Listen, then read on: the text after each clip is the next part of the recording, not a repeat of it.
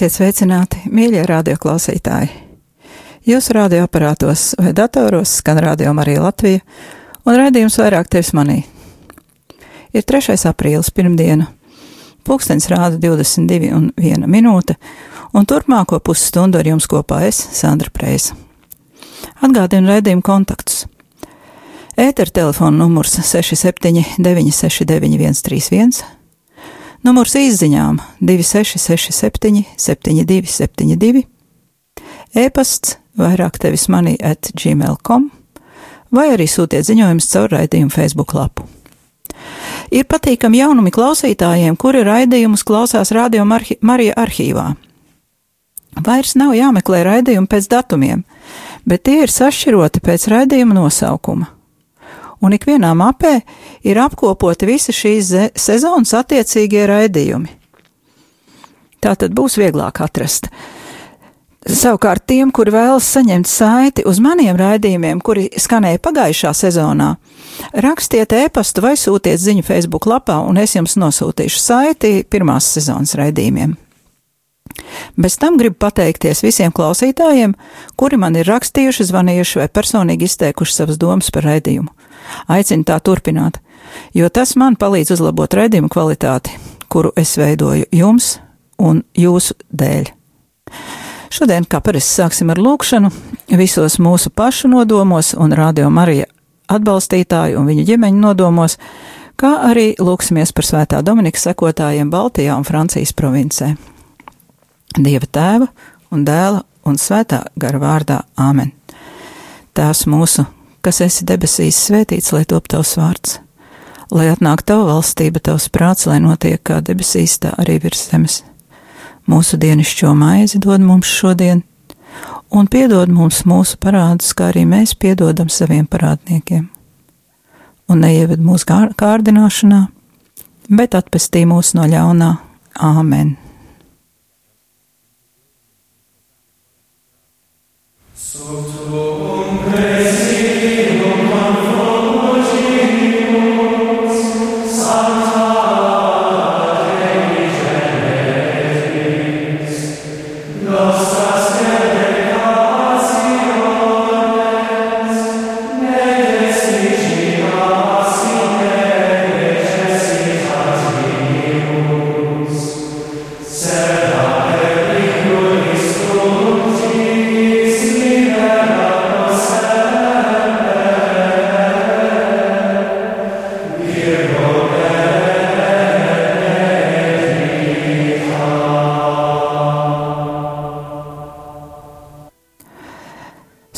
Radio Marija Latvija.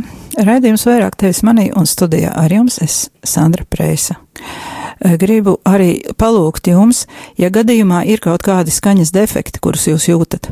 Lūdzu, rakstiet īsiņas vai zvaniet, lai tos varētu steidzīgi novērst, jo pagājušā raidījumā bija šādi defekti, kurus es pati nedzirdēju mm, raidījuma laikā, bet pēc tam ierakstā tie parādījās. Tā kā, ja gadījumā jūs kaut ko jūtat, ka ir kaut kas ne tā, lūdzu, dodiet ziņu. Eh, bet par tēmu šajā redzījumā, tāpat kā vairākos iepriekšējos, sekosim pāvesta Franciska atgādinājumam atcerēties trīs galvenās tēzes šim gavēnim.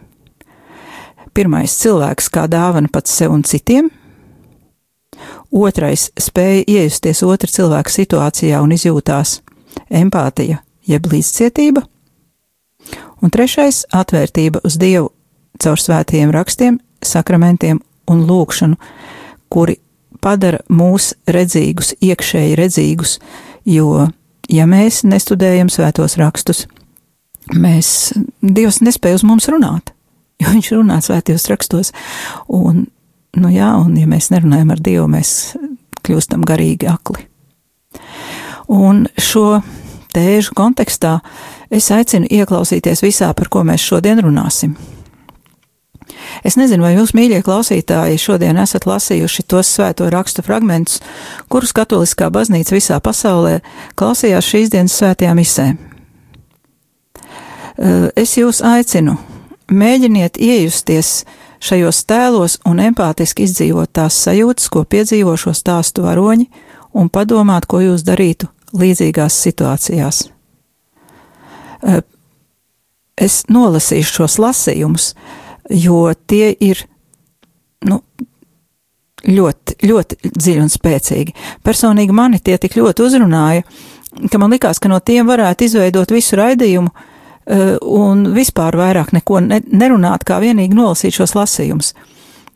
Jo šie lasījumi sasaucas gan ar notikumiem Svētās Jēnas Katrīnas dzīvē, kuras mēs pagājušā raidījuma beigās lasījām, gan ar iespējām līdzīgām situācijām mūsu pašu dzīvēs vai mūsu draugu dzīvēs. Jo cilvēki ir tik līdzīgi, neskatoties uz to, ka viņi varbūt tūkstošiem gadu atpakaļ ir dzīvojuši. Pirmais lasījums ir no pravieša Daniela grāmatas un stāsta par sievieti, kur tiek apmelota. Otrais stāsts ir no evaņģēlija un tematiski sasaucas ar pirmo, bet ir zināmas nianses, jo, ja pirmajā ir skaidra apmelošana un, kā mūsdienās teiktu, mobbings un dienas stāvokļa ļaunprātīga izmantošana, tad otrajā visticamāk sieviete tiek apsūdzēta par to, ko viņa patiešām ir darījusi. Taču abi stāsti mums atklāja Dieva seju, viņa taisnīgumu un viņa žēlsirdību. Un arī cilvēku sejas, tik ļoti pazīstamas, gan skaistas un dieva apgarotas, gan grēki izkropļotas. Tagad es nolasīšu šos lasījumus, kur ir gari, un, ja paliks laiks, tad mazliet izcelšu dažus punktus pārdomām. Tie, kuri lasa mieram tuvu, varbūt jau ir lasījuši īso variantu, taču no tā ir diezgan grūti saprast, eh, cik dramatiska patiešām ir tā situācija, cik tā ir, tra, cik tā ir traģiska. Es nolasīšu garāko variantu, kur piedāvā lekcionārijas kā alternatīvu svētajā misē. Ja kāds gribēs pārlasīt pirmo fragmentu, tad, diemžēl, ir jāmeklē jaunā bībeles tulkojuma lielā biezā grāmata. Tā, kurā ir ietverts arī tā saucamās deutero kanoniskās grāmatas, jo šis lasījums skaitās Daniela grāmatas 13. nodaļa, bet patiesībā tas ir Daniela grāmatas pielikums A, kurš parastajās bībelēs līdz šim nav bijis latviešu valodā vispār iztulkots. Un, ja jums nav pieejama šī lielā bībele, tad varat vienkārši klausīties raidījuma atkārtojumā vai arhīvā, ja vēlaties vēlreiz to stāstu noklausīties, jo tas ir samērā garš un ārkārtīgi bagāts ar informāciju.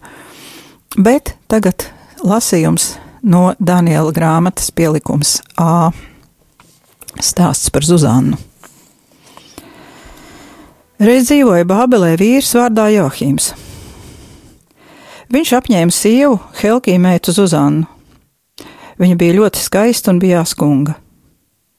Viņas vecāki bija taisni cilvēki un mācīja savu meitu pēc mūzes bauslības. Johims bija ļoti bagāts, un pie mājas viņam bija dārzs. Pie Johima pulcējās jūdi, jo viņš bija visslavenākais no visiem.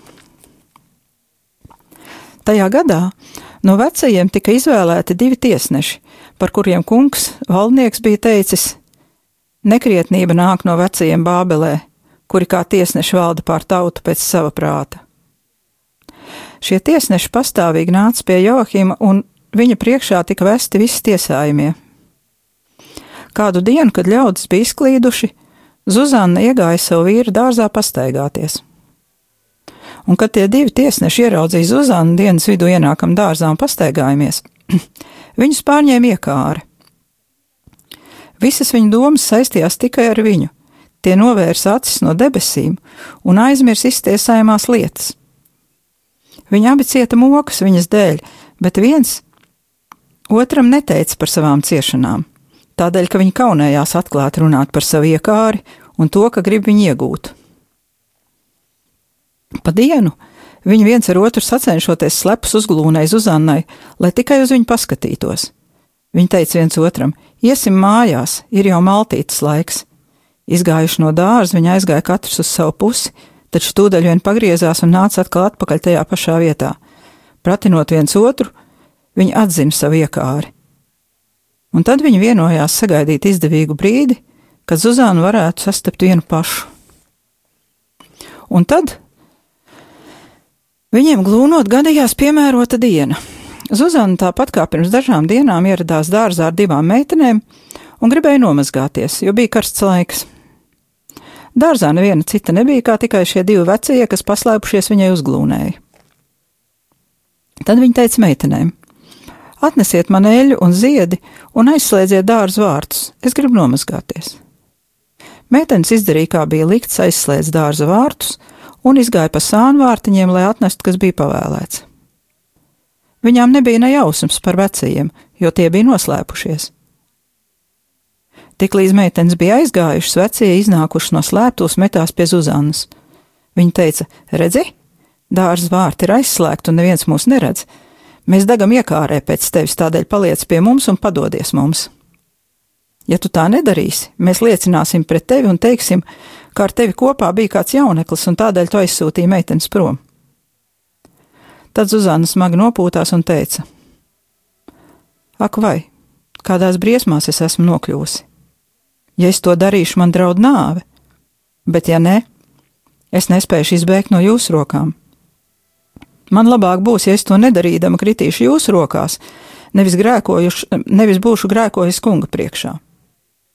Un viņa sāka skaļi kliegt, bet vecie kliedz tikpat skaļi. Viens no viņiem pieskrēja pie dārza vārtiem un atrautos vaļā. Mājnieki izdzirdēja kliekšanu un metās pa sānu vārtņiem dārzā, lai redzētu, kas Zuzanai noticis. Kad vecie savu sakāmo bija pateikuši, mājas kalpotājs pārņēma kauns jo nekas tāds par Zuzanu nekad vēl nebija dzirdēts.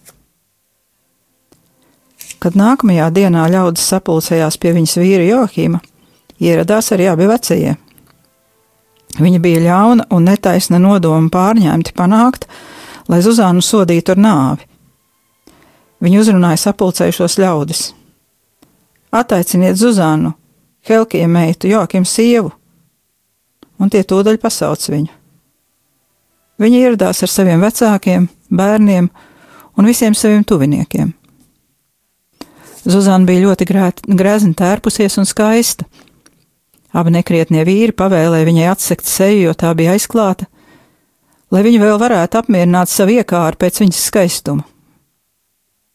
Visi, kas bija līdzi ar viņu un kas viņu pazina, sāka raudāt. Vecie tiesneši piecēlās un visu ļaužu klātbūtnē uzlika rokas viņai uz galvas. Raudādam viņa pacēla acis pret debesīm, jo sirdī viņa pilnīgi paļāvās uz kungu.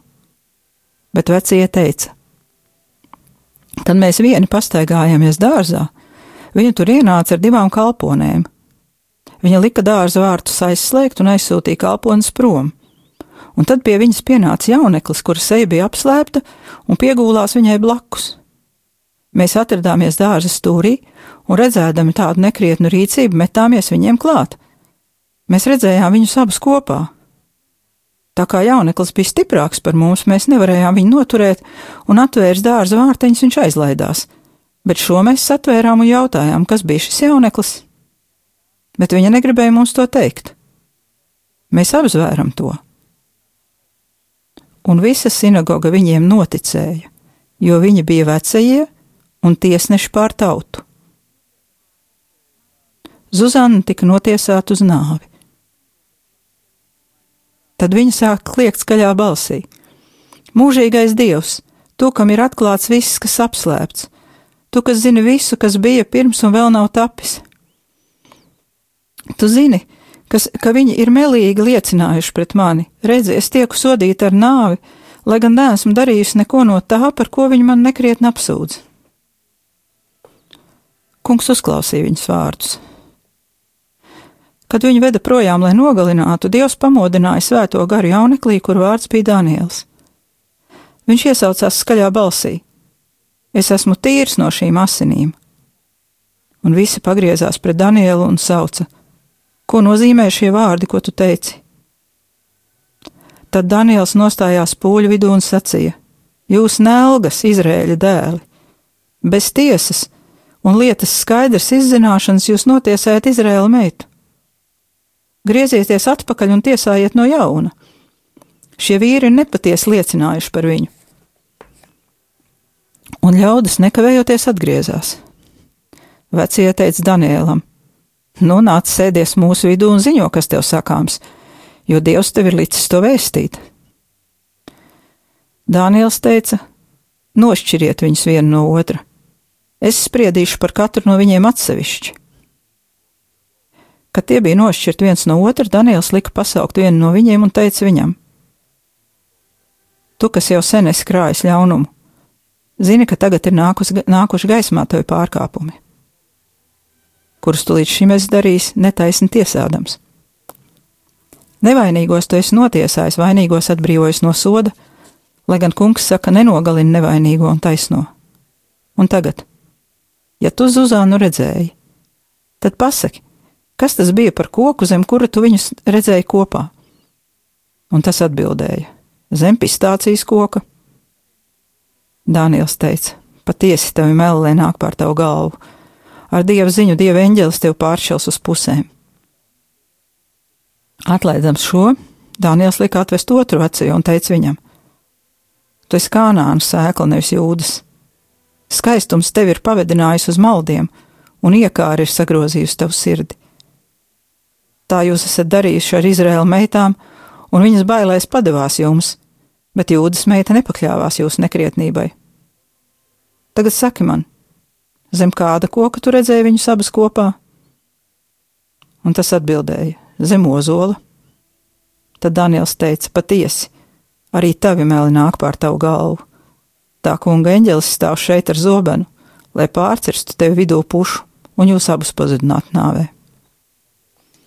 Un visa sinagoga sāka skaļā balsī slavēt Dievu, kas izglābs tos, kas uz viņu paļaujas. Un viņi metās abiem vecajiem virsū, un Daniels bija piespiedzis viņiem ar savu pašu muti apliecināt, ka viņi ir devuši viltus liecību.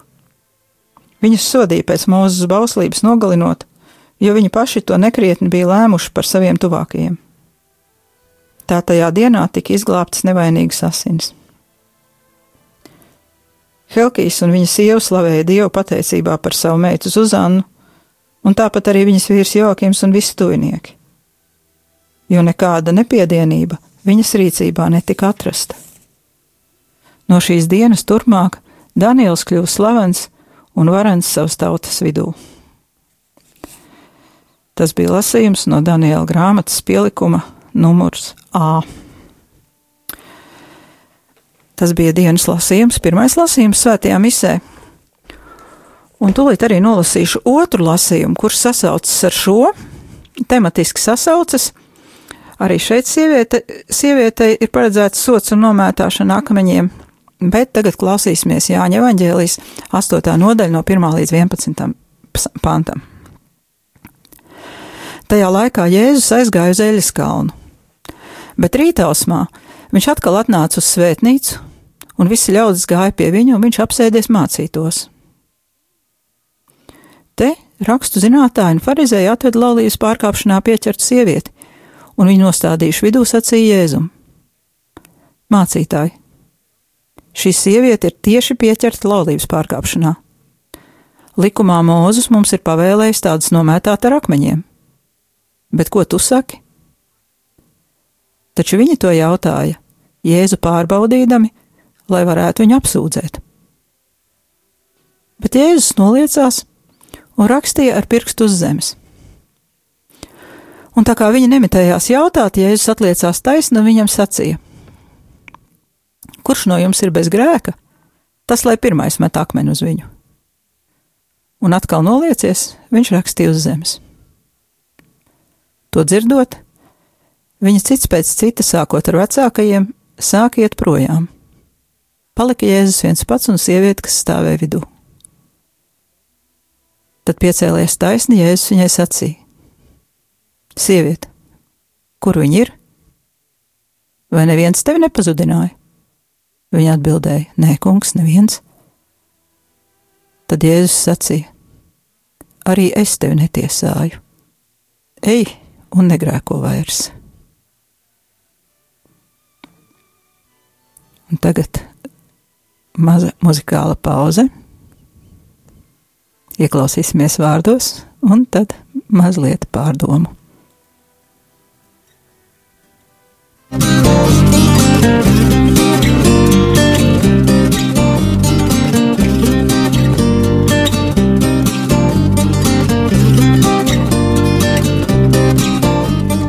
pirkstu smiltīs viņš zīmēja, ar pirkstu no Bētlemes kūts. Viņš uzzīmēja tevi un piesprauda zemē bija krūts. Viņš uzzīmēja tevi un piesprauda zemē bija krūts.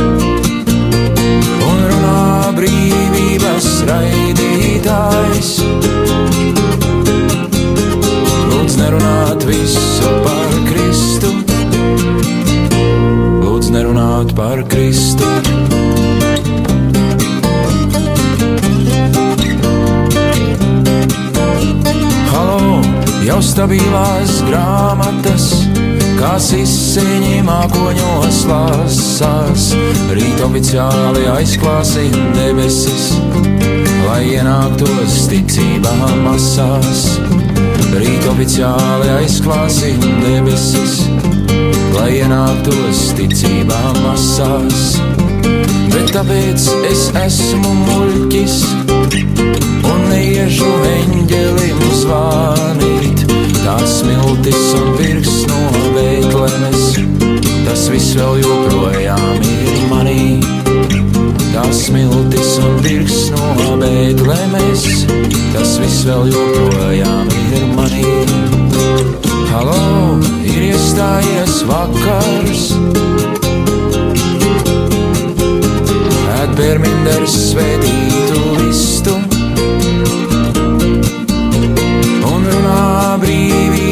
raidītājs.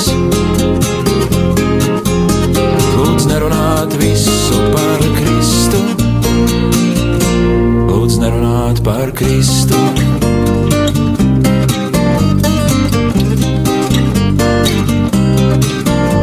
Mans kungs, tu esi mana klints bet tevī cērt nedzīvas sējas, tik daudz izmirušas acis, tik maz acis, kas smējas, tik daudz izmirušas acis, tik maz acis, kas smējas. Mans kungs, es nezinu visu, bet tāpēc jau tu man esi. Ņem manas nogurušās smadzenes par upura delikatesi. Ņem manas nogurušās smadzenes par upura delikatesi. Halo, ir iestājies vakars.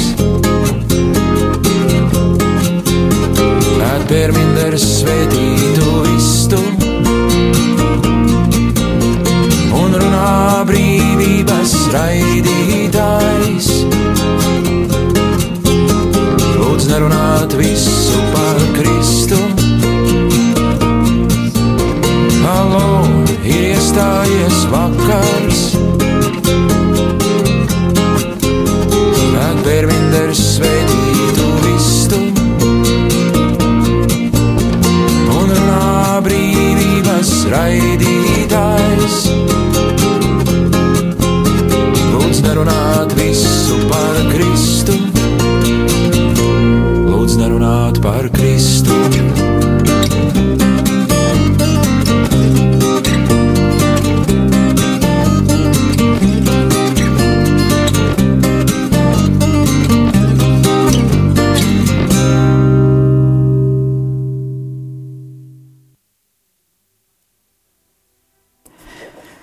Pat muļķis ir līdzīgs dievam. Tik gudriem to nepamanīt.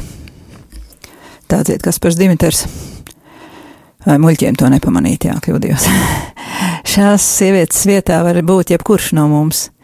Patiesībā abu sieviešu vietā. Otrā lasījuma atslēga ir trijās frāzēs. Pirmā. Viņi to jautāja Jēzu pārbaudīdami, lai varētu viņu apsūdzēt.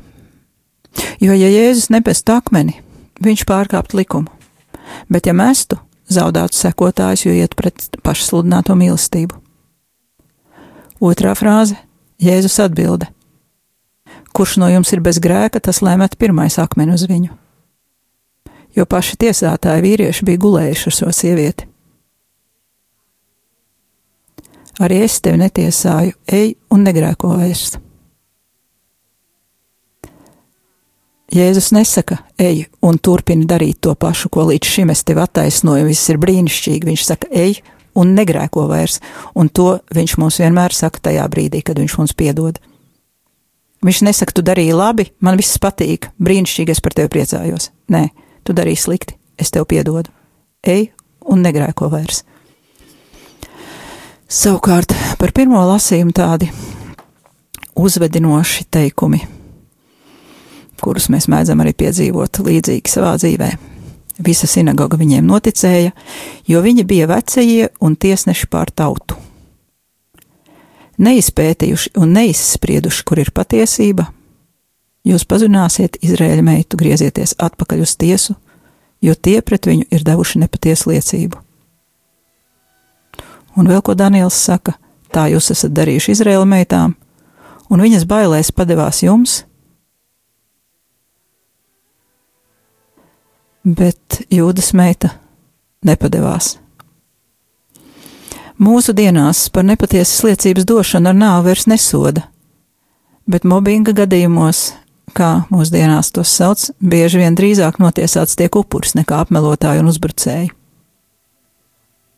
Un es jūs ļoti aicinu, nostājieties upuru pusē, jo uzbrucēji nemaz nav tik stipri, kā viņi izliekas. Viņi vienkārši izmanto līdzcilvēku vienaldzību, nejūtību un bailes. Visbiežāk pat viens pats drosmīgs cilvēks var mainīt situāciju. Baznīca māca, tā nebūs nepatiesa liecība dot pret savu tuvāko. Un to pašu saka arī dabiskais likums, jeb sirdsapziņas balss. Katra, ne tikai cilv ticīga cilvēka sirdī. Taču sirdsapziņa bieži vien var būt izkropļota, un mēs noteikti esam tādus gadījumus pieredzējuši. Un paliek jautājums, ko tad mēs varam darīt?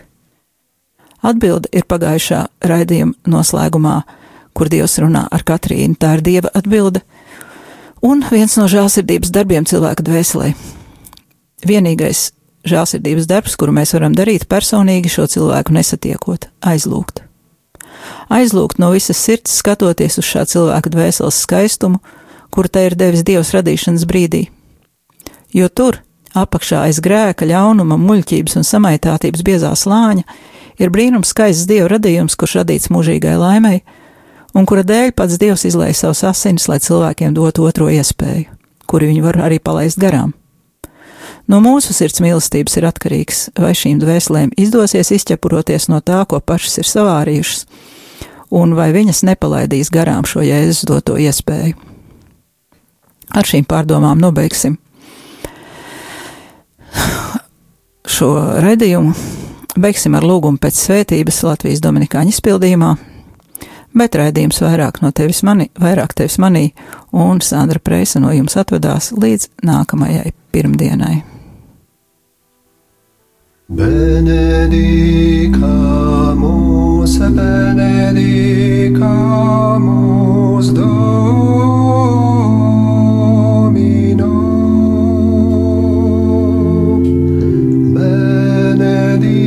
Benedicamus, benedicamus Domino.